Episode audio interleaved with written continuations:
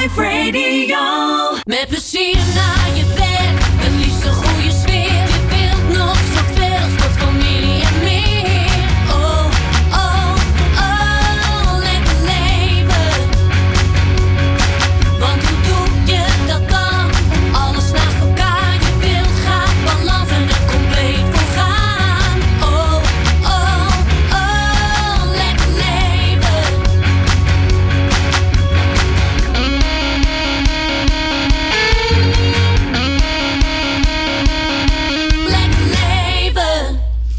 De volgende vrouw heeft een carrière waar je u tegen zegt. Ze begon als model op haar zeventiende en ging vervolgens ook naar Milaan.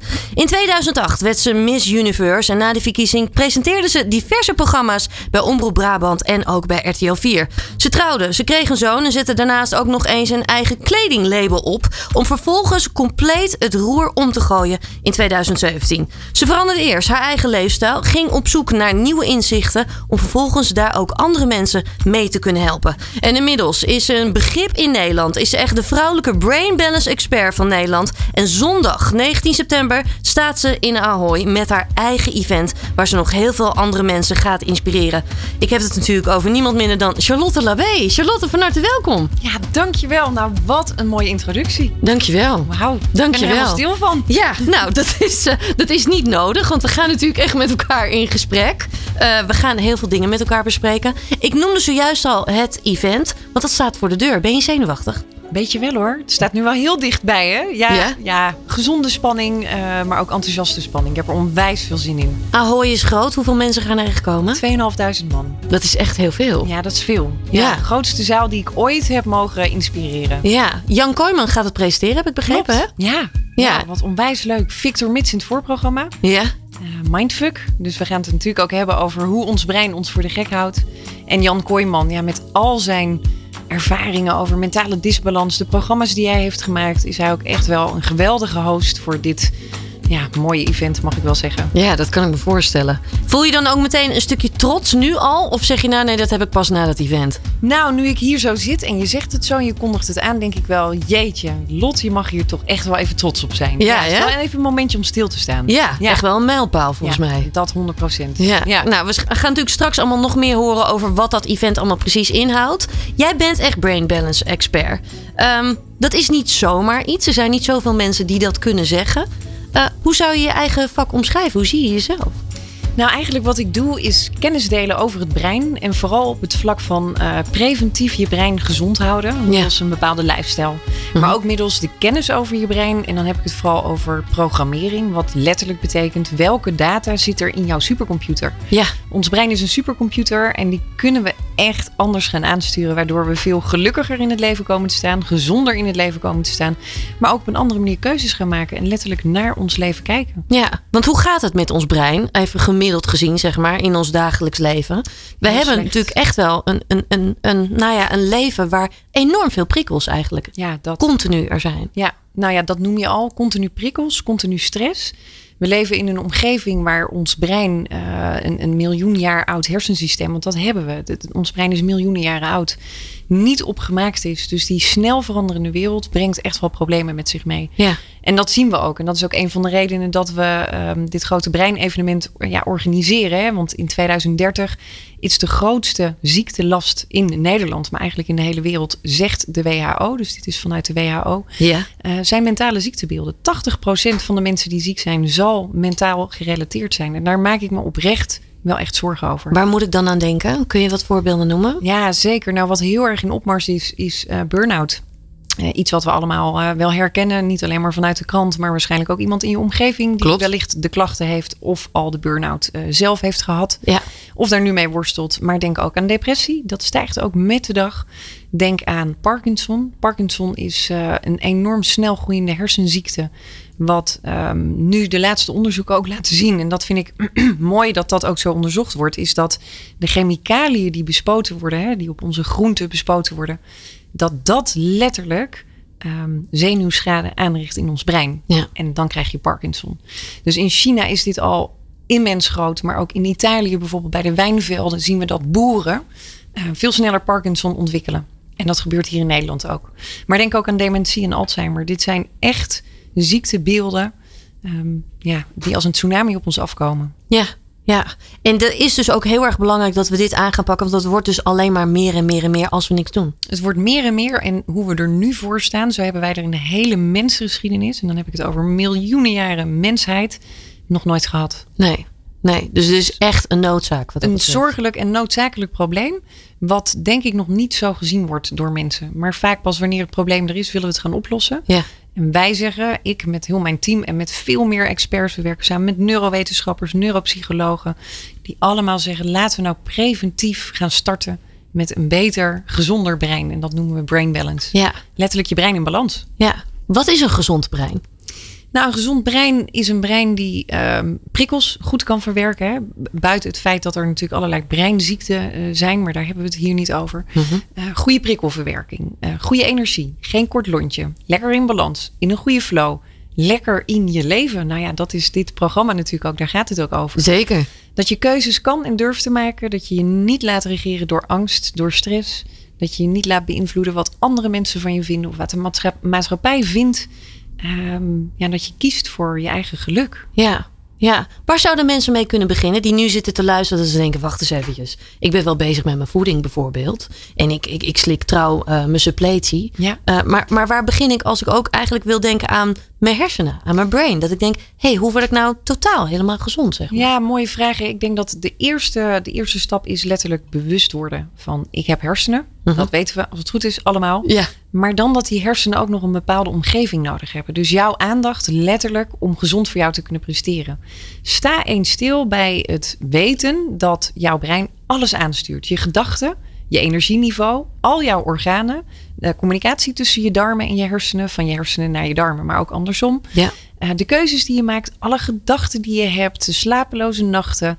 Wanneer je in een bepaalde situatie bent en je reageert heel intens, dan komt dat vanuit je breinprocessen. Hm. En wanneer we daar al bewust van worden van, hé, hey, als dat brein niet zo lekker in zijn vel zit, dan gaat hij dus ook ja, anders reageren. Ja. En dan heb ik misschien daar later weer spijt van. Of dan eh, ga ik op een andere manier eten. Hè. Wanneer we heel erg gestrest zijn, dan zie je dat de energie naar beneden gaat. En dat we eigenlijk veel meer voeding nodig hebben. Maar vaak Klopt. pakken we dan de verkeerde voedingsstoffen. Vaak pakken we suiker ook, hè? Suiker, vetten, zouten, vaak een combinatie van die drie. Ja. En die zijn desastreus voor je brein. En wat krijg je dan? Dat het brein eigenlijk weer naar beneden gaat en roept om nog veel meer. Dus we gaan nog veel meer van dat eten. Terwijl we eigenlijk ja, gezonde voedingsstoffen nodig hebben. En dan heb je het over vetzuren, maar dan heb je het ook over eiwitten. Dan heb je het over de juiste koolhydraten, dus veel groenten. Mhm. Ehm, ja, en die slaan we vaak over. Ja, vaak wel, hè? Ja, te vaak. Ja. En dat is zonde. Ja, ja. Straks gaan we nog uitgebreider hebben over voeding. Maar eigenlijk gaat het dus al eerst om dat stukje bewustzijn. Ja. Wat doe ik nou eigenlijk precies? Precies. Wat gebeurt er tijdens mijn dagelijkse leven? Of tijdens deze hele week? Wat is mijn ritme? Wat doe ik nou eigenlijk ja, precies? welke keuzes maak je? Ja. Hoe sta je op? Sta je op met, oh, ik heb zoveel te doen. Jeetje, wat een druk leven. Of, oh, wat een negativiteit. Wat gebeurt er allemaal in de wereld? En programmeer je daarmee onderbewust eigenlijk meteen je brein, maar ook de energie waar je in komt. Ben je veel meer ehm, ja, ehm, ehm, vatbaarder voor stress, maar ook de invloeden van andere mensen. Ja.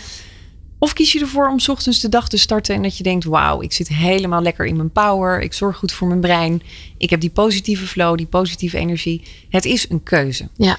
En dat is wel iets wat we enorm veel zien. Hè. Wij leiden mensen ook echt op ehm, om, om je brein een update te geven. En dat is voor iedereen.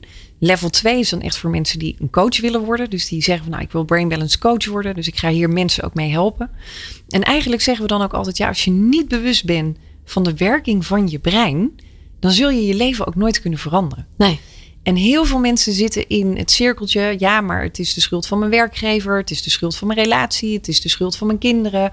eh, het zijn mijn vrienden. Het is eh, het nieuws wat ik lees of wat ik hoor. Maar ga niet naar hun interne processen.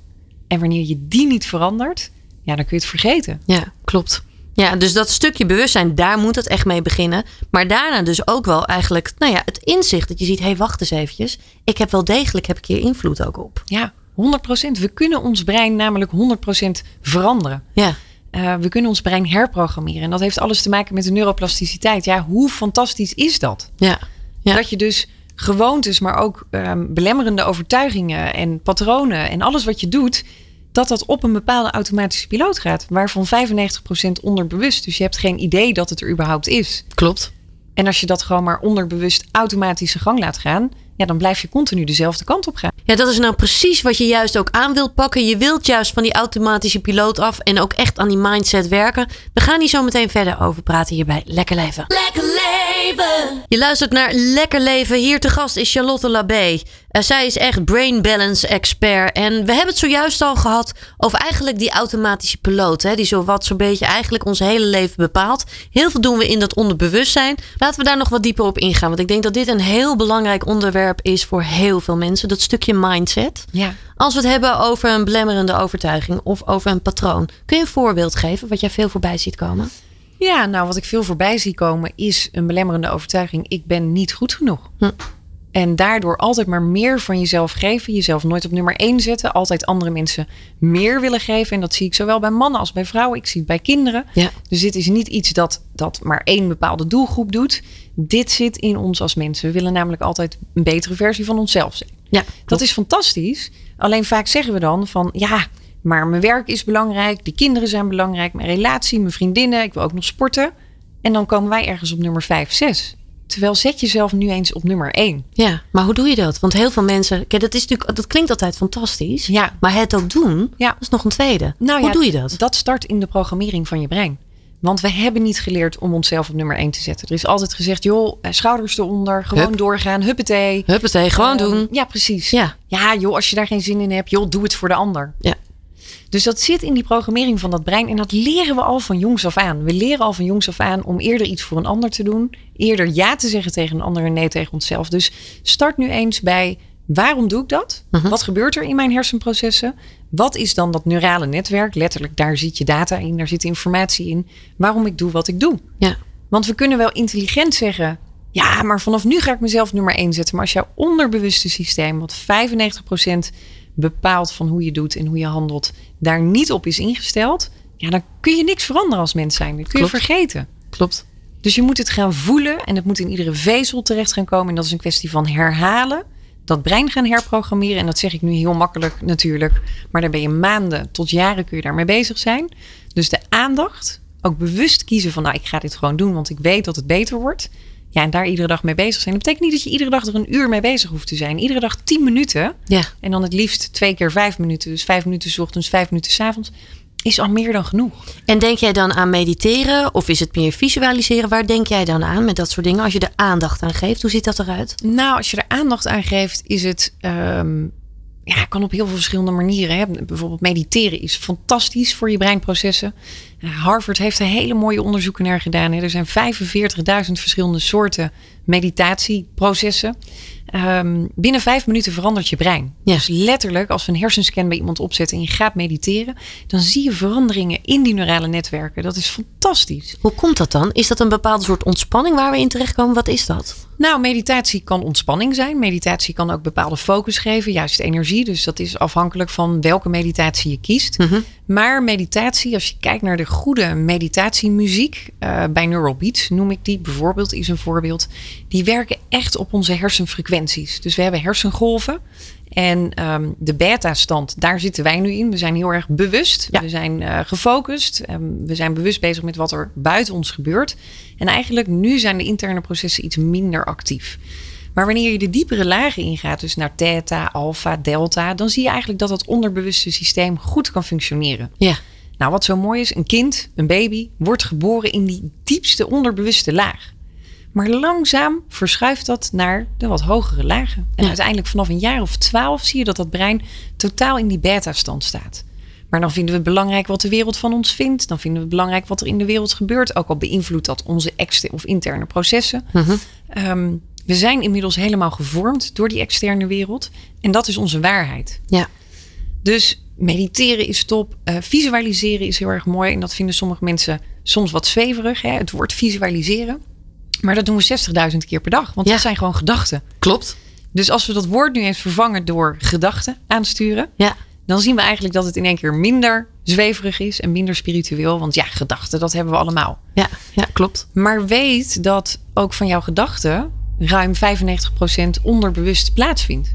Dus we hebben maar heel weinig bewuste gedachten op een dag. Dus intelligent doen we eigenlijk niet zo heel erg veel. En dat klinkt heel raar, want we denken allemaal we sturen intelligent de wereld aan. Maar dat is het dus. Het zit onderbewust. Ja, ja. Als ik zelf naar mezelf ook kijk, hè, eh, voorheen, als ik een drukke werkdag had, dan ging ik heel erg mijn checklist af als ochtends. En dan kon ik ook eigenlijk al bijna een soort gestrest gevoel hebben voordat ik aan de dag begon. Snap ik. Ik ben dat met de loop der jaren ben ik dat al echt om gaan zetten. En dat, nou ja, dat heeft dan over. De een noemt dat visualiseren. We kunnen het ook een gedachte inderdaad noemen. Ja. Waarin ik denk, maar hoe zou ik nou graag willen dat deze dag gaat verlopen? Ja, mooi. Ehm, en dan zie ik die dag al voor me. En dan kan ik ook beter zien wat ik nodig heb op die dag. Vaak doe ik het ook een dag van tevoren al hoor. Dus dan de avond ervoor. Zodat ik ook beter weet, wat heb ik eigenlijk nodig die dag? Zodat ik ook relaxed die dag door kan gaan. Ook al is het een hele drukke dag. Ja. En dan merk je dat je ook compleet anders die dag ingaat. Zeker. Het is fantastisch om dat te doen. Want wat er gebeurt in plaats van cortisol wat je aanmaakt. Je hormoonhuishouding gaat eigenlijk meteen een soort van van slag. Want oh, er is heel veel stress. Ja, dat ik, dat je, ik dat. Ja, terwijl je nog niet eens je bed uit bent. Ja. Kijk, en cortisol aanmaken, wanneer wij een piek van cortisol hebben en aanmaken, dan is dat voor je lichaam exact hetzelfde als dat er nu een tijger hier binnenkomt die ons Ja. wil opeten. Ja. Maar dan heb je je benen nog niet eens uit je bed. En dan heb je dat gevoel dus al te pakken. Ja. En dat is funest voor een gezond brein. Voor een brein in balans moeten we dat eigenlijk niet willen. Je telefoon pakken. Je wordt wakker. Voor veel mensen is het een wekker. Ligt die naast het, het hoofd. Daar slapen we mee. We pakken meteen die telefoon en we gaan door nieuws scrollen. Social media. Sommige mensen hun e-mail 's ochtends om 7 uur al. Klopt. Nou, wat komt er dan aan informatie binnen in jouw brein, wat op dat moment totaal niet relevant is? Ja, en dat zorgt echt wel voor een disbalans in het brein. Op een gegeven moment is die rek eruit. We kunnen jarenlang heel veel verwerken, maar op een gegeven moment zegt dat brein: ja, hé, hey, nu is het wel klaar. is wel mooi geweest. Het is nu. mooi geweest. Wat voor advies zou jij dan geven? Hoe moet je je dag goed beginnen? Of wat is een fijne manier van je dag beginnen? Ja, nou, je, het is, kijk, het is mooi om te weten dat je, je slaapt in een delta staat. Dus je gaat naar de diepste lagen en, en daar herstellen we volledig. Dus al jouw cellen hebben die staat van zijn immens hard nodig. Dus het start eigenlijk al, als je goed wil starten met je dag, begint dat bij een goede nachtrust. Ja. Want als jij niet goed hebt geslapen en je, je bent niet goed hersteld en je brein staat eigenlijk nog aan van de vorige dag. Dat zien we. We zien ook steeds meer mensen die gewoon s'nachts helemaal in een verkramping liggen te slapen, omdat het stresssysteem niet meer afschakelt. Ja. Dus die chronische stress, ja, dat wil je kwijtraken. Dus kijk eens naar een avondritueel. Wat is een fijn avondritueel? Nou, ik zeg altijd drie uur voordat je gaat slapen, het liefst geen schermpjes meer. Nou, lukt dat mij altijd? Nee, heus niet. Ik doe mijn best ervoor, want eh, soms dan zit ik ook nog te lang op social media. Of kijk ik toch nog eventjes een filmpje. In ergste geval kan je altijd nog een, eh, een blueblocker opzetten, hè? zo'n bril. Ja, dat Ja, dat helpt ook wel heel fantastisch werken. Ja. Maar toch krijg je ook wel weer informatie binnen. Hè? Dus Klopt. buiten inderdaad het blauwe licht. De informatiestroom is dan eh, mega groot. Hoe val je in slaap? Is dat rustig? Val je lekker in slaap? Heb je veel gedachten? Word je s'nachts wakker? Ja, veel mensen moeten s'nachts naar het toilet. En die zeggen, ja nee, maar ik moet gewoon naar het toilet. Maar dat is een teken dat jouw brein dus niet goed aan het herstellen is. Ja. Dus je bent niet in een diepe slaap. En die diepe slaap die heb je nodig om 's ochtends weer fit en energiek wakker te worden. Ja. Het is misschien ook leuk voor de luisteraars, hè, als je nu luistert. Stel jezelf eens de vraag: hoe word ik wakker? Denk Hoe sta ik nou eigenlijk iedere dag op eigenlijk? Ja, hoe word ik nou wakker? Ja, word ik wakker met: oh, ik heb heel veel energie en ik heb zin in de dag? Of word je wakker met: oh, jeetje, ik ben eigenlijk nog heel moe. Ja, Ik voel me totaal niet energiek. Want dan is dat ook wat je de rest van de dag meeneemt. ja. Nou ja, dan begin je aan je ochtendritueel. Hè? Hoe kan een heel fijn ochtendritueel zijn? En dit is voor iedereen is dat anders. En kijk ook hoe je het kunt indelen. Want in een, een, een weekend of een vakantiedag ziet er natuurlijk heel anders uit dan een werkdag. dat is het. Maar maak nu eens de tijd om 10 minuten tot een kwartier even naar buiten te gaan. Even wandelen. Ja. Bewegen. Ja. En ik hoor heel veel mensen, misschien denk je het nu thuis ook. Ja, nou, dat kan ik niet, want ik heb kinderen en ik heb een past baan ik heb een gezin en dat is onmogelijk. Nou, Ja. ik heb ook een gezin, ik heb ook ehm, mijn werk, ik heb ook een bedrijf. Er wordt van mij ook genoeg verwacht, maar ik pas het wel in. Voor mij is het heilig. Iedere Ja. ochtend even bewegen. Ja. Want en het liefst misschien ook wel naar buiten. Gewoon Ja, echt buiten. zonlicht. Buiten, zonlicht, daglicht, eh, frisse lucht. Het liefst de natuur in. Ja. Want dat is wat we eigenlijk nodig hebben. En dan zonder telefoon. Dus je gaat gewoon naar buiten. 10 minuten, kwartiertje. Als het kan, nog iets langer. En je ontwaakt. Ja. En dan verschuift letterlijk je, je hersenstaat van die delta naar theta. Dan gaan we langzaam naar alfa. En dan komen we pas in de beta-stand. Ja. En dat is een hele fijne overgang van je, voor je brein om stap voor stap naar boven te kunnen. En uiteindelijk naar die bewustwording te gaan. In plaats van we worden wakker, we zitten in die delta-staat, we doen onze ogen open en meteen moet dat brein naar beta. Het is te intens. Ja, ja. Helder. Een heel helder, duidelijk voorbeeld. En ik denk dat heel veel mensen dit ook wel herkennen. Van wacht Ja. eens even, ik, ik, ik, ga, ik moet meteen aan als ik eigenlijk wakker word. Dat hoeft helemaal niet. Nee, je mag alle tijd nemen. En zet dus noods een half uurtje eerder je wekker om dit proces wel de ruimte te geven. Ja. En Ja. zet gewoon je telefoon pas aan om acht uur bijvoorbeeld. In plaats van meteen om kwart voor zeven of om half zeven. Het is niet nodig. Nee. Er is niemand die jou om half zeven direct nodig heeft. Nee. Helder. We gaan straks gaan we hier ook nog weer verder praten over voeding. Ook over depressies, over burn-outs. Maar eerst even muziek. Lekker leven We zitten hier nog steeds met Charlotte Labé. Jij bent natuurlijk echt de brain balance expert. We hebben zojuist al heel veel dingen besproken met elkaar. Over hoe je bijvoorbeeld al eh, goed de dag kunt beginnen. En hoe belangrijk een, eh, een goede nachtrust is. Maar als we eventjes kijken, we hadden het zojuist eigenlijk al over in het begin. Heel veel mensen hebben een burn-out of ervaren een depressie. Juist ook nou ja, in de afgelopen anderhalf jaar. Ehm, kun jij ons uitleggen hoe dat nou eigenlijk echt ontstaat? Wat gebeurt er in het brein? Ja, mooie, mooie vraag. eh, waar je denk ik ook heel lang over kunt praten. Laten we zeggen dat er een enorme disbalans is in het brein. Waardoor we depressieve klachten kunnen gaan ervaren. eh, Ja. Waardoor we een burn-out klachten kunnen gaan ervaren. En eigenlijk is het een, letterlijk een overprikkeld brein. eh, waarmee het onderbewuste niet meer goed samenwerkt met het bewuste. En Hm. dan krijgen we mentale klachten Ja. als gevolg. Ja. Eh, vaak willen we de gevolgkant oplossen. Dus we krijgen een stempel depressie of burn-out. En we willen dat graag oplossen. Maar ergens ligt er een diepere laag, een diepere oorzaak. En ehm, ja, ik ben van mening, als we, pas als we leren kijken naar die oorzaak en we pakken dat aan, dan kunnen we ook de gevolgkant gaan oplossen. Dus ehm, hoe komt het dat iemand inderdaad een burn-out krijgt? Nou, dat kan een bepaalde programmering zijn van ehm, hard werken bijvoorbeeld. Hè? Dan pas ben ik goed genoeg. Dat was mijn eigen programmering waardoor ik een burn-out heb gehad. Ja. Ik stopte nooit meer met werken. Dat was gewoon voor mij, als ik eh, maar hard genoeg werk, dan, dan word ik gezien en dan krijg ik liefde en dan ben ik goed genoeg. Dat was jouw overtuiging op dat moment. Dat was toen mijn overtuiging. Ja, wat me uiteindelijk ook eh, enorm ziek heeft gemaakt. Ehm, bij een depressie kan het exact hetzelfde het geval zijn. Hè? Wat we nu heel veel zien, ook in de praktijk. Ik heb bij mij vijf therapeuten in dienst die iedere dag mensen helpen om weer eh, ja, op de rit te komen. Mhm. Is dat darmklachten echt hand in hand gaan met depressie. Klopt. Dus wanneer een darm helemaal verstoord is door de westerse voeding, door medicijnen, door stress, door slaaptekort, nou, noem het maar op, dan zien we eigenlijk dat depressieve gevoelens echt heel snel kunnen ontstaan. Ja, het is echt ons tweede brein, hè? Onze darmen zijn echt ons tweede brein. Ja. ja, ben er dus daarom ook heel zuinig op. Zowel je hersenen, maar ook eh, je darmen. Want die werken weer samen. Ja. Ja, dan kan natuurlijk ook nog en-en zijn. Hè? Dus dat je en heel erg met die overtuigingen rondloopt. Ja, En dat het in je darmen ook niet goed gaat. ja vaak gaan die hand in hand. Ja. dus we zien vaak mensen met mentale klachten. En dat zie je ook in de psychiatrie. De psychiaters met wie wij ook samenwerken, die zeggen ook wanneer iemand een depressie heeft, dan zien we eigenlijk al meteen ook een prikkelbare darm. Of eh, obstipatie of constipatie of noem het maar op. Dus er is altijd wel een link te leggen met die darm. Ja. Ja, en dan is het een interessante vraag. En daar zijn nu echt wereldwijd heel veel onderzoeken naar. Hè. Wa- wa- Was het mentale stukje eerst, dus het brein, of was de darm er eerst, waardoor dan een depressie ontstaat? Mhm. En je hebt natuurlijk ook nog het verschil tussen een aangeboren depressie ehm, en een later pas opgebouwde depressie. Klopt. Het is wel zo dat ehm, het, het- de grootste groep met mensen met een depressie pas later op latere leeftijd komt. Dus wat niet per definitie een aangeboren disbalans is. Mhm. Ehm, maar die groep is er wel. Dus er is ook depressie wat gewoon genetisch bepaald is. Ja. ja.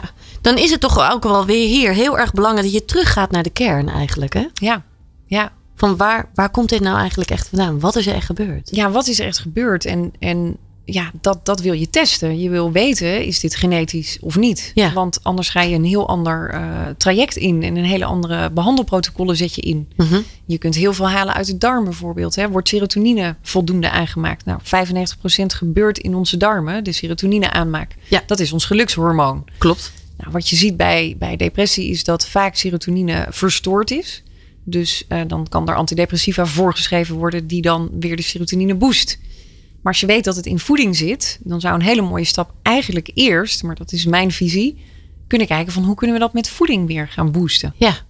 ja. En die darm ondersteunen om Hoe- weer gezond te worden. Hoe kun je dat boosten? Waar moet ik dan aan denken? Want het is natuurlijk per persoon is dat ook verschillend. Kan ik me dan weer zo voorstellen. Maar, maar Ja. kun je een tip geven? Nou, kijk, het zit wel in bepaalde voedingsstoffen. Ik heb daar natuurlijk ook boeken over geschreven. Bijvoorbeeld pure chocolade, maar ook ehm, wanneer je noten eet, wanneer je tomaat eet, wanneer je ehm, aardbeien eet. Dat boost je serotonine. Ja. Maar goed, Is het dan opgelost met een bakje aardbeien eten? Nee, Nee. laten we heel reëel zijn. Je moet wel dieper die darm in. Klopt. En dan moeten we echt wel eventjes gaan kijken van nou, hoe, hoe functioneert die darm? Kijk, onze darmen hebben gewoon 700 tot 800 verschillende bacteriën in zich. Goede en slechte. En dat is, wanneer dat er is, is dat geweldig. Ja. Maar we zien steeds vaker in onderzoeken dat mensen nog maar 2 tot 300 verschillende bacteriën hebben. En dan is eigenlijk is het niet raar dat iemand een depressie heeft. Want de helft van die dierentuin in die buik die is niet gevoed. Klopt. Altijd, ja, dat microbioom heeft verschillende soorten dierentuinen. En je wil dat de flamingo's gevoed worden, eh, maar ook de krokodillen gevoed worden. Ja. En niet dat die krokodillen dus sterker zijn, waardoor je dus mentaal klachten gaat krijgen. Helder. Dus is het zo makkelijk om te zeggen, ja, met voeding eet dit en dan is het opgelost? Nee. Nee. We kijken dan echt wel naar de persoon van wat heb jij nodig? Wat zijn de tekorten? Welke bacteriën en microben zijn er niet meer in, eh, in je microbioom? Die gaan aanvullen, sterker maken. En dan kun je echt makkelijker gaan schakelen met voedingsstoffen. Maar eerst die darm heel. Je ziet Ja. ook heel veel mensen met een leaky gut. Letterlijk met kleine Klopt. gaatjes in die darm. Waardoor Ja. voedingsstoffen dus, ook al eet jij super gezond, eet je 800 gram groente per dag. Als jij een lekkende darm hebt, ehm, ja, dan neemt je darm die voedingsstoffen niet op. En Ja. komt je brein ook weer tekort. En heb je een uitgehongerd brein. Ja, ik heb dat zelf gehad. Ja, Jaren terug. Ik weet hoe erg dat is, zeg maar. Want ik at heel gezond.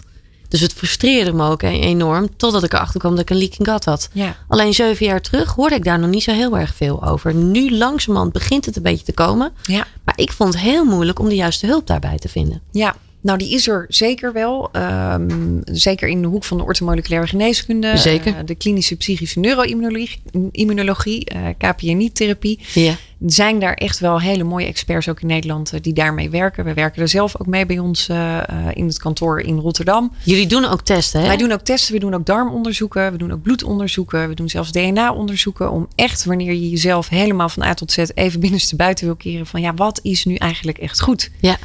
Want wat jij ook zegt van ja, dan kun je net zo gezond eten, maar neemt je darm het niet op, dan poep je alle voedingsstoffen uit. Dat is het. En ehm, nou ja, je ziet ook aan je ontlasting dat je het niet goed opneemt. En dan weet je eigenlijk al, die darm die functioneert niet heel erg goed. Ja. Dus we vragen heel vaak, ja, hoe gaat het met je? Maar ik zeg wel eens voor de grap, je zou eigenlijk moeten vragen, joh, hoe was je ontlasting vandaag? Ja. Heb je nog goed gepoept?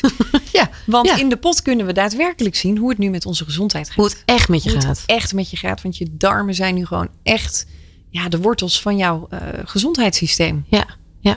Hier hebben we het echt eh, heel erg over darmen. Hè? Dan kun je ook naar suppletie gaan kijken. Maar dus ook naar wat eet ik nou eigenlijk echt precies. Ja, Maar als je kijkt naar een burn-out, ook daar is natuurlijk ook echt wel, en bij depressie ook, dat stukje mindset is heel erg belangrijk. heel belangrijk. Ja, natuurlijk. Ja, Wanneer jij alleen maar negatieve gedachten hebt over jezelf, wanneer je het leven niet leuk vindt, wanneer je geen doel hebt in je leven, dat is ook echt een van de dingen. Een doel hebben, eenzaamheid, bewegen.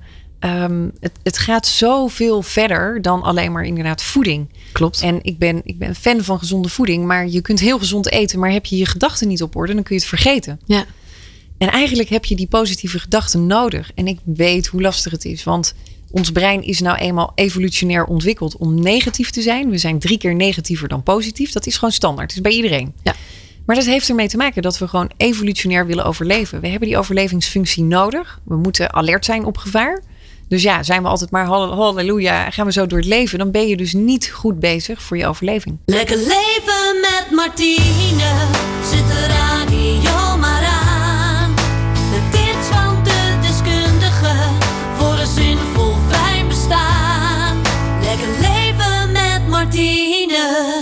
Charlotte, laten we nu ook eens eventjes kijken hoe jij dat allemaal doet. Hè? Eh, hoe pak jij dat aan? Want jij hebt natuurlijk ook, jij bent ook met vallen en opstaan. Ja. eh, is het gegaan? Je bent eh, hartstikke succesvol geweest als, als model. Miss Universe ook geweest in Nederland. Vervolgens ben je ook naar buitenland gegaan. Je hebt ook je eigen kledinglabel heb je ook nog gehad. Ja. Je hebt heel veel hiervoor al gedaan. Eh, maar dat is niet alleen maar succesvol geweest. Het ging ook wel eens fout, zeg maar. Ja, of zeker. fout, is misschien niet het goede woord. Ik dat denk, dat ja. je uit balans raakte. Ja, 100 procent. Ik, ik denk dat ehm, vaak het plaatje van buiten, zeg maar, er succesvoller uitziet dan hoe een mens daadwerkelijk gaat. Ja. En dat is natuurlijk ook wel het nadeel van social media. Klopt. Wat er al jarenlang is, dat we vaak denken het te weten van een persoon, maar je de persoon eigenlijk niet kent. Ja.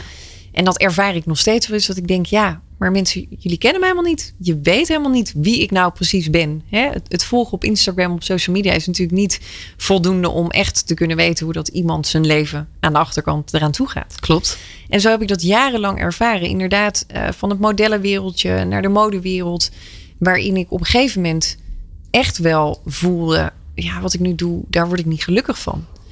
En dat is wel iets, een gegeven, waar ik later pas achter kwam. Wanneer je heel lang iets doet waar je niet gelukkig van wordt, dan ga je uiteindelijk, daar betaal je de rekening voor. Ja.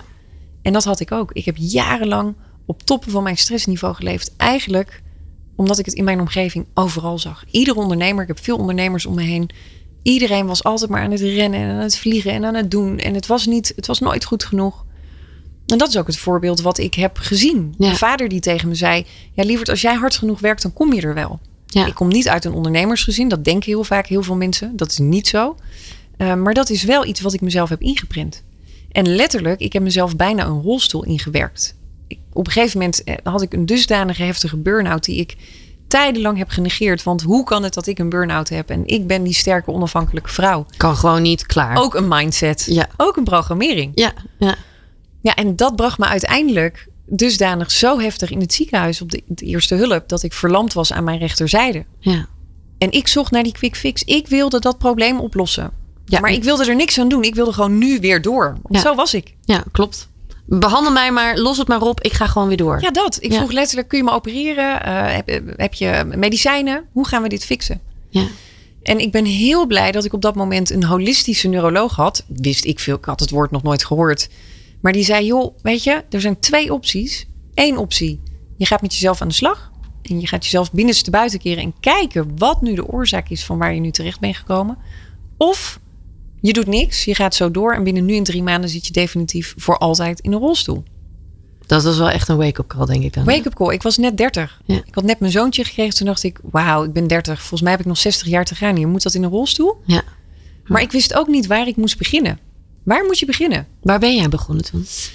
Ja, waar ben ik begonnen? Nou ja, zoekende. Ehm, ik, ik weet dat ik nog wel aan mijn fysiotherapeut vroeg, waar ik inmiddels twee keer in de week kwam, want mijn nek zat zo vast van ja, wat moet ik doen?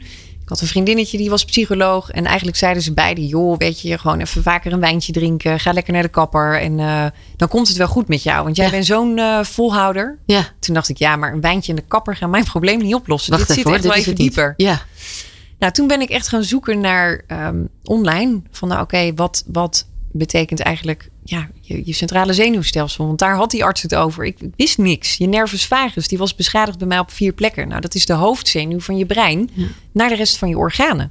Die functioneerde niet meer. Oh, wauw, maar als die stopt, ja, dan stopt eigenlijk mijn leven. Ja. Dus zo simpel is het. ja. Nou, daar ben ik gaan zoeken. En op een gegeven moment las ik over meditatie en over voeding.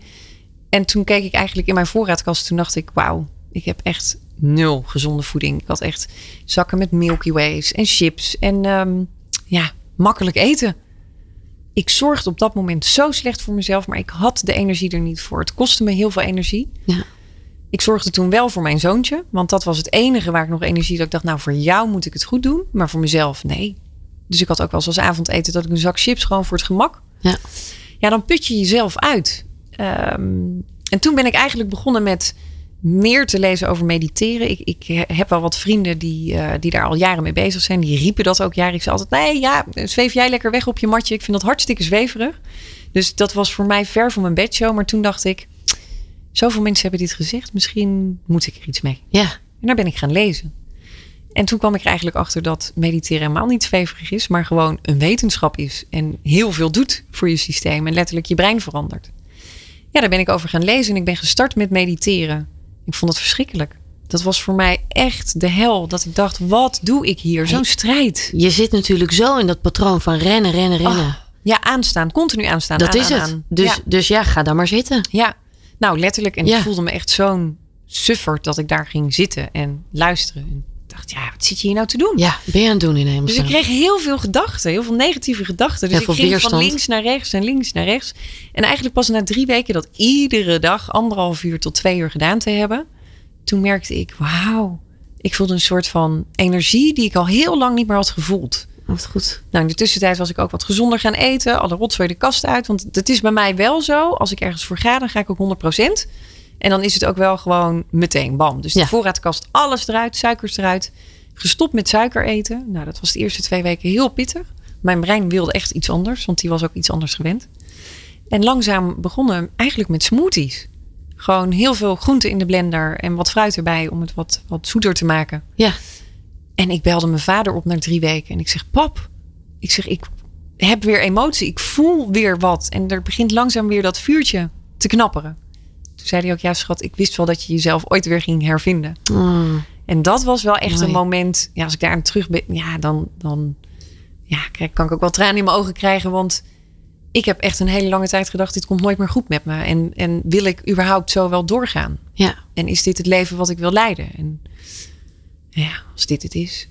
Ondanks al dat succes, hè, want de, de buitenwereld zou hebben gedacht... Goh, die heeft het hartstikke goed voor elkaar. Ja, ja, en dat is ook misschien wel de mooiste les die ik ook mensen heel graag wil meegeven. Veroordeel en beoordeel nooit.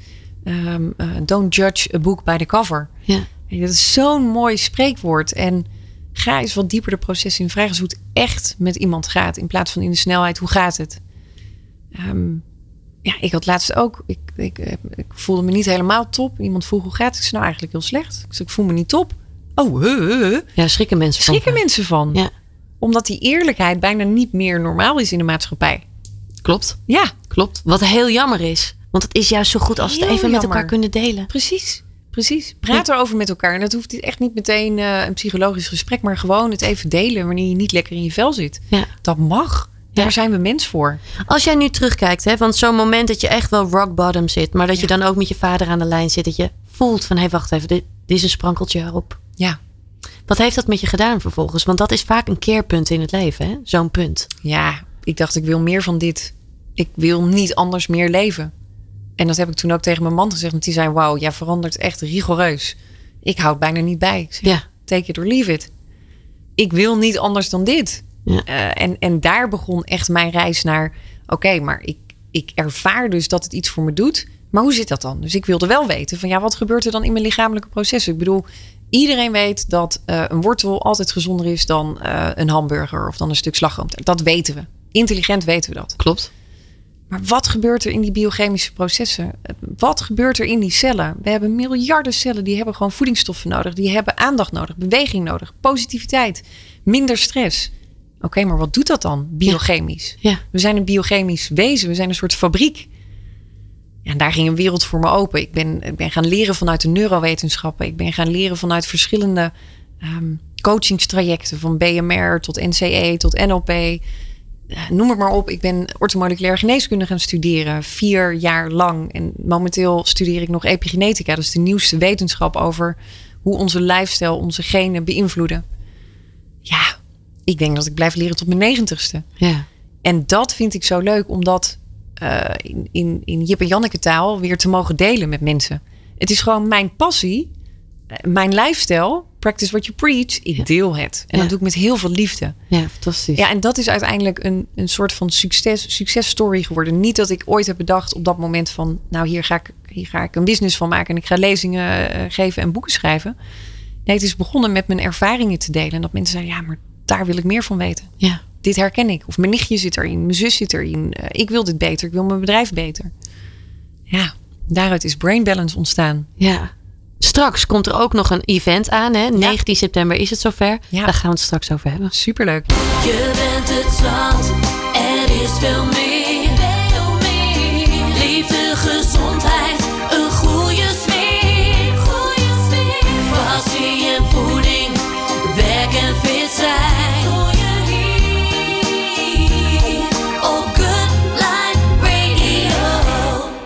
Ja, we zijn inmiddels alweer eh, toegekomen aan het laatste blok hier zo met eh, Charlotte Labé. Ja, Charlotte, we hebben natuurlijk al heel veel al met elkaar besproken. Hè? Ja, heel veel, maar eigenlijk ook nog heel weinig. Ja, het is altijd zo dubbel hè, wat Ja. dat betreft. Klopt. Ehm, een ander onderwerp, wat ik ook wel een heel mooi onderwerp vind, is de stichting eigenlijk. Wil je daar wat meer over vertellen, wat dat allemaal precies inhoudt? Ja, Want dat is een heel belangrijk iets ook voor jou, hè? Heel belangrijk. Ja, ik heb eh, drie jaar geleden riep ik eigenlijk. Of was de vraag bij mij: hoe kan het zo zijn dat ik dit niet geleerd heb op school? Hoe kan Mhm. het zo zijn dat er zo weinig over gedeeld wordt over hoe je eigenlijk je leven inricht? Hoe je omgaat met gezondheid, hoe je omgaat met gedachten, stress, de druk van buiten, al die prikkels. wauw, hoe gaaf zou het zijn als we dat naar scholen kunnen gaan brengen. Ja. En, ehm, ja, het moment is daar. Ik heb eh, dit jaar een stichting opgericht. Samen met een eh, neurowetenschapper, Marcia Goddard. Zij is ook echt fantastisch. Als er iemand veel weet over de ontwikkeling van het brein in eh, de kindertijd, is zij het. En haar ambitie is daar ook naar. Van ja, Charlotte, ehm, lessen mogen, moeten anders. Het schoolsysteem is best wel ouderwets. Ja. En ehm, fantastisch wat we er allemaal leren, maar het mag op een andere manier. Eh, Acht uur lang op een dag zitten is zo slecht voor je brein. Dat Klopt. weten we inmiddels. Ja. Hoe kan het zo zijn dat we op die manier lesgeven? Dus nou, eigenlijk zijn we ehm, op zoek gegaan naar eh, mooie kennis. En we zijn terechtgekomen in Amerika bij Yale en Berkeley, Mhm. de universiteiten. En met een aantal professoren van hun werken we nu ook echt samen. Ze hebben zes jaar lang onderzoek gedaan naar wat een stuk well-being doet op ehm, ja, mental health. Dus Mhm. letterlijk op je brein. En die onderzoeken zijn vertaald naar lesprogramma's. En die lesprogramma's die gaan we binnenkort in Nederland bij scholen introduceren. Oh, wat goed. Ja, ik ben daar zo onwijs blij mee, maar ook dankbaar dat we dit kunnen doen. Ja. Want ik geloof dat we daarmee ook het verschil gaan maken. Dus die kennis naar scholen, naar kinderen. Ik zie het al bij mijn zoontje, die is vijf. Hoe anders hij omgaat met tegenslagen, hoe flexibel hij is. Ehm, als hij een keer verdrietig is of boos is, dat hij het ook zo goed kan duiden en over zijn emoties kan praten. Eh, ja, dat is fantastisch. En dat gun ik alle kinderen. Dus ehm, in iedere wijk in Nederland hoop ik dan ook dat ze dit programma gaan starten. Ja. Want uiteindelijk, de resultaten zijn letterlijk minder burn-outs voor de leerkrachten, minder verloop. Dus het is ook echt voor de leerkrachten. Hè? Want nou ja, veel leerkrachten zeggen dan ja, maar jeetje, Charlotte, moeten we er nog meer bij? We hebben al zoveel. Maar zo moeten we het niet zien. We gaan namelijk op een andere manier met dat brein aan de slag. Dus zowel voor de leerkrachten als voor de kinderen. En wanneer die leerkrachten dat helemaal beheersen, dan kunnen ze die kinderen dus ook anders begeleiden. Ja, fantastisch. Kijk, een heel mooi voorbeeld, want dat had ik zelf met Sky, met mijn zoontje. Die was 2,5 en kwam van de, de dagopvang eh, terug. En eh, hij gooide wat kussens op de bank en hij was aan het stoeien met de hond. Of op de grond gooide hij. Dus ik zei, Skytje, wil je dat zo meteen eventjes opruimen? Nee, mama, daar ben ik veel te klein voor, zei hij. Dus ik dacht, oké, die is bijzonder. Dat verzint een kind van twee niet. Dat is echt iets wat een volwassene zegt. Ja, ja, Nou, ja. Ik heb dit niet gezegd, mijn man ook niet, de oppas ook niet. Waar komt dit vandaan? Ja. Dus nou, ik ben er ongeveer anderhalve week mee bezig geweest met waar komt dit vandaan. En uiteindelijk was het dan dat de juffrouw had gezegd met een grote doos blokken. Sky, laat maar staan, daar ben je te klein voor. Dat doet de juffie wel. Ah. Super lief. Ja. Alleen zijn gedachte was, oh ik kan niks op. Weet je, laat maar, daar ben ik te klein voor. Ja. Alleen wat daarmee kan gebeuren in dat kinderbrein... is dat we letterlijk op latere leeftijd... wanneer we een jaar of 12, 13 zijn... faalangst kunnen ontwikkelen met alleen maar die ene zin. En dan denk je, ja, wat is nou één zin? Maar als een brein dat opneemt als waarheid... en die gaat het groter maken, groter maken, groter maken... en we zijn op een gegeven moment 13, we komen in die puberteit... dan krijgen we faalangsten. Ja. Want dan voelen we ons niet goed genoeg. En dat kan dan door dat ene kistje komen. Ja, het wordt echt een overtuiging. Het wordt een overtuiging en die kan ons in alle processen in de weg zitten. Ja. Dus hoe mooi is het? Nou, gelukkig had ik toen eh, deze kennis al. Dus ik ben eh, ruim een week met hem bezig geweest. Van nou, Sky, je kan alles en je, je kunt alles. En nu, wat zijn overtuiging is, dan zegt hij: Oh, mam, ik heb het nog nooit gedaan. Ik weet zeker dat ik het kan. Hersenen, we doen dit. Ja. Ik kan alles. Ja. En dat is zo fijn. En of dat het nou met eten is, iets nieuws wat hij dan probeert. Eh, hij eet alles. Ik hoor ook wel eens ouders die zeggen: Ja, nee, maar mijn kind lust echt geen groente. En dan denk ik: Ja, zo wordt een kind niet geboren. Nee. Dus dat is wel een stukje programmering. Ja. En daar hebben we op school zo'n grote rol in. Hoe we daar als leerkracht mee omgaan. Dat we daar, ja, we kunnen de wereld veranderen met dat brein. Ja. En dat gaan we doen met de stichting. Ja. Ja. Dus Je, je, je zei het ook al, hè? voeding is dus een heel belangrijk onderdeel. Zowel bij de kinderen natuurlijk, maar ook bij de volwassenen. Ja. Als je nou qua voeding een tip mee zou mogen geven aan mensen, welke tip zou dat dan zijn? Nou, iedere tien dagen veranderen je smaakpapillen. Hm. Dus eet iets gewoon tien dagen. Eh, ik zeg niet tien dagen iedere dag hetzelfde, maar laat die smaakpapillen eraan wennen. En dan wordt het vanzelf een stuk makkelijker. Ja. Kunnen we net zo gelukkig worden van een stuk chocoladetaart als van een strong broccoli? Ja, dat kan. Maar dat heeft wel een half jaar nodig. Ja. Dus het is ook wel, ja, ga even over je grenzen heen. En zeg niet, ja, ik heb twee weken gezond gegeten, maar zie je, ik hou het toch niet vol. Mhm. Want dat is wel die programmering. Het duurt 30 tot 60 dagen minimaal wil je je brein kunnen herprogrammeren. Ook op die lifestyle. Ja, en, maar toch is het zo dat heel veel mensen dit niet weten en het niet doen. Ja, Hoe komt dat? Nou ja, omdat ze het niet weten. Dus da- daar begint het al, de kennis. Als we de kennis niet hebben, dan is het heel lastig om het toe te passen. Ja. Ik heb heel veel mensen die komen dan... Ja, ik heb echt alles al gedaan. En zeg, nou, wil je eens opschrijven wat je allemaal hebt gedaan? Dan zeg ik, oh, maar er zijn echt nog honderd andere dingen die je kunt doen. Want er zijn zo ontzettend veel opties die je nog kunt gaan toepassen. Ja. Alleen is het vaak dat het, het bereikt mensen niet. Mensen weten het niet. Eh, er wordt in eh, de reguliere geneeskunde niet over gesproken bijvoorbeeld. Klopt. Dus daar kijken we naar een quick fix. Wat soms heel fijn is. Maar 9 van de 10 keer eh, ook op een andere manier opgelost kan worden. Ja. En ik geloof dat we als we echt naar dat systeem gaan kijken. Naar wat heb je nodig. En ook als we dat op jonge leeftijd al gaan leren. Ja, wauw. Ik weet zeker dat we dan in 2030 er heel anders voor staan Ja. een groot verschil gaat dat maken. Maar ook pesten is met 40% verminderd op scholen. Uiteindelijk ook ehm, ehm, je return of investment is onwijs hoog. Omdat je ziet dat kinderen veel beter kunnen ontwikkelen. Dus het is ook weer interessant voor uiteindelijk de arbeidsmarkt. Klopt. Dus ja, wat willen we? Willen we gezonde mensen? Willen we mentaal vitale mensen? Wat wil je uiteindelijk in die economie, in de maatschappij? En we zijn nu alleen maar ja, aan het kijken van hoe krijgen we mensen klaargestoomd om in die economie te gaan presteren. Maar ik zou zeggen, hoe krijg je ze klaargestoomd om als mens gelukkig te zijn Ja. en gezond? Want dan is het gevolg dat we goed presterende mensen krijgen en dat we dus een fantastische economie hebben. In plaats van waar we nu voor staan, heel veel mensen die met uitval thuis zitten. Klopt. En, En helemaal in deze zijn. tijd. Ja, Ja. miljoenen mensen zijn chronisch ziek. Nou, dat bestond echt eh, miljoenen jaren geleden niet. Als we kijken naar de Indianen of naar de Eskimo's. Dat zijn fantastische, hele mooie inzichten die we daaruit krijgen. Hoe puur en gezond zij eten naar de regels van de natuur. Ja. Niet alleen eten, maar ook leven. Je ziet dat daar dus deze chronische mentale ziektebeelden, die bestaan er niet. Je hebt geen depressies, je hebt geen dementie, geen Alzheimer, geen Parkinson. Dus het ligt echt in hoe wij leven. Klopt. En dat kan anders. Klopt. Dichter ook bij de natuur. Dat is ook nog een heel onderwerp op zich, Ja, zeg maar. Hoe je dat ook allemaal nog aan kunt pakken. Daar gaan we het gewoon nog een andere keer Ja, over leuk. hebben. Oh, ik hou van de natuur. Ja. ja, ik ook. En, en ik weet ook hoe krachtig de natuur kan zijn. Ook voor je gezondheid. Ja, wauw. Eh, dat is echt ongelooflijk. Eh, maar goed, daar gaan we het dus nog een andere keer wel over hebben. Ja, leuk. Want dat evenement komt eraan. 19 september, dan sta je in Ahoy. Wat kunnen mensen echt verwachten op die dag? Ehm, ja, wauw. Als ik zeg life-changing, ja, dan, dan is dat het wel. Dat is wel de bedoeling. Ja. dat je naar huis gaat en denkt, oké, hier ga ik gewoon concreet mee aan de slag. Nu, vandaag. Ehm, inzichten over de werking van ons brein. Inzichten in de problematiek die we hebben. Maar ook zeker een stuk oplossing. Mhm. Van ja, wat zouden we nu anders kunnen doen? Concrete tips. Ehm, we gaan kijken naar de hersengolf. We gaan kijken naar de frequenties waarop we draaien. We gaan kijken naar de energieën. Ehm, stukje voeding, stress gaan we behandelen. En ook ja, hoe die wereld zo snel verandert en hoe dat ons oeroude brein beïnvloedt. Ja, ja.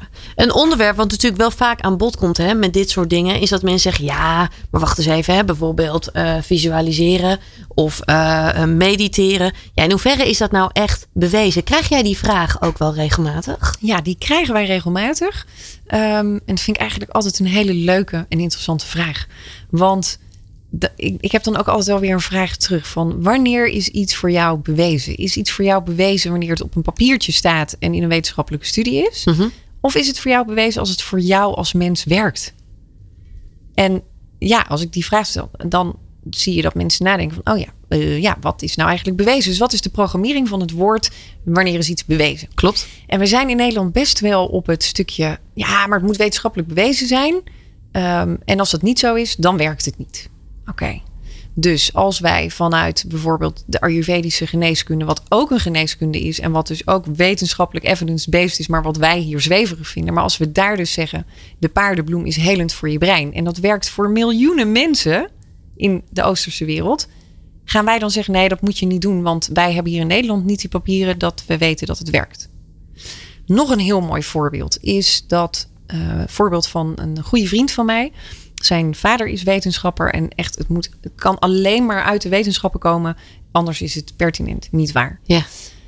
Eh, hij is wat breder georiënteerd en hij kijkt naar alle kanten en staat open. En dat vind ik zo mooi, want wanneer je brein open staat, dan kun je ook gewoon veel meer tot je nemen en ook gaan kijken wat werkt voor jou als mens. Dus Dat is hij- het. op een gegeven moment had hij een discussie met zijn vader.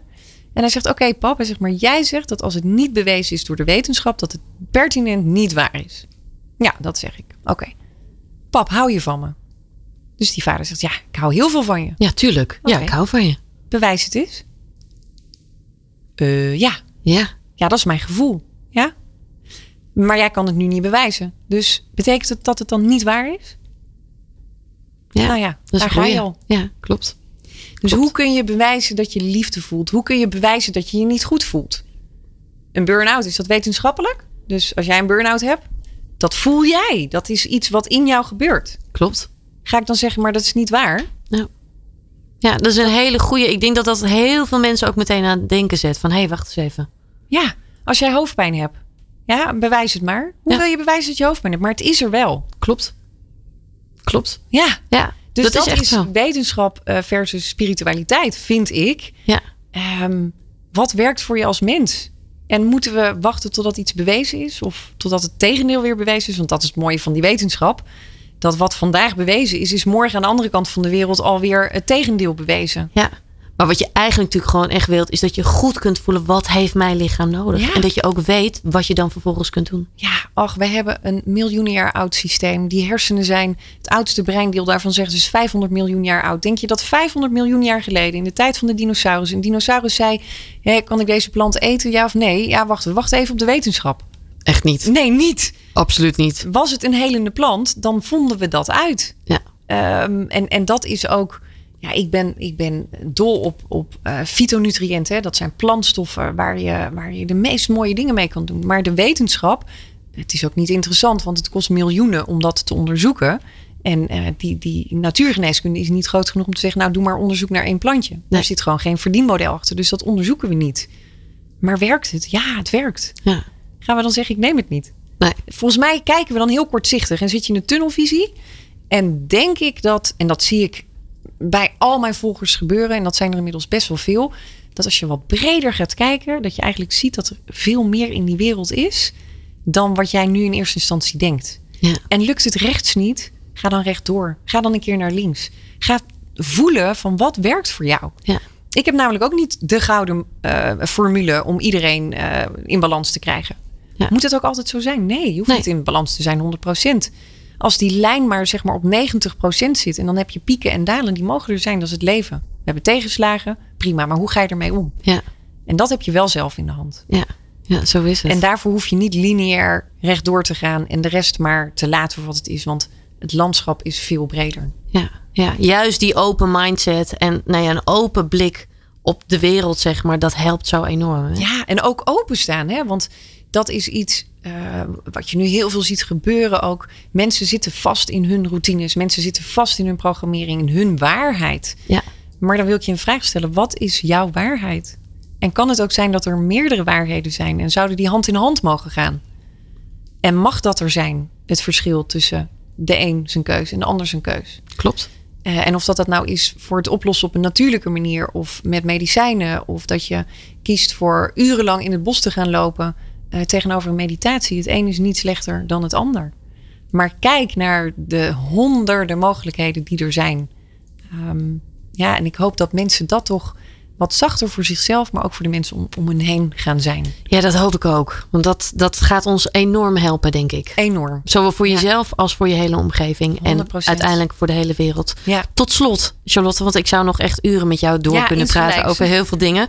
Ehm, wat zou je mensen nog mee willen geven die nu zitten te luisteren? Je hebt al heel veel tips gegeven. Ja. Maar tot slot, wat zou je graag nog willen zeggen? heb liefde voor je brein. Eh, Daar start het uiteindelijk mee. En dat is wat we vaak tekort komen. Een stukje liefde voor onszelf. Een stukje liefde voor dat brein. Ben er lief voor, voorzichtig voor. En dit is niks zweverigs, maar gewoon puur eh, take care of yourself. Je Ja. hebt maar één brein. Ja. En jouw brein is niet anders dan die andere brein. Dus als je denkt, oh, die burn-out gaat aan me voorbij. Of die depressie zal nooit gebeuren. Of dementie ver van mijn bedshow. Morgen is het in één keer anders. Mooi, mooi. Een hele duidelijke, heldere boodschap. Charlotte, ik wil je enorm bedanken voor het delen van al je kennis. Dankjewel. Eh, je hebt nog zoveel meer te delen, maar dat gaan we gewoon een ander keertje doen. Absoluut. En heel veel succes op eh, 19 september, want het gaat volgens mij een hele bijzondere dag worden. dat gaat lukken, absoluut. Ik heb er zin in. Yes, dankjewel. Basie B hier, ik kom je niet vervelen. Ik breng die boodschap, delen is helen. Oprechte aandacht is een cadeau dat je kunt geven. Dus luister naar Martine, hier bij Lekker Leven.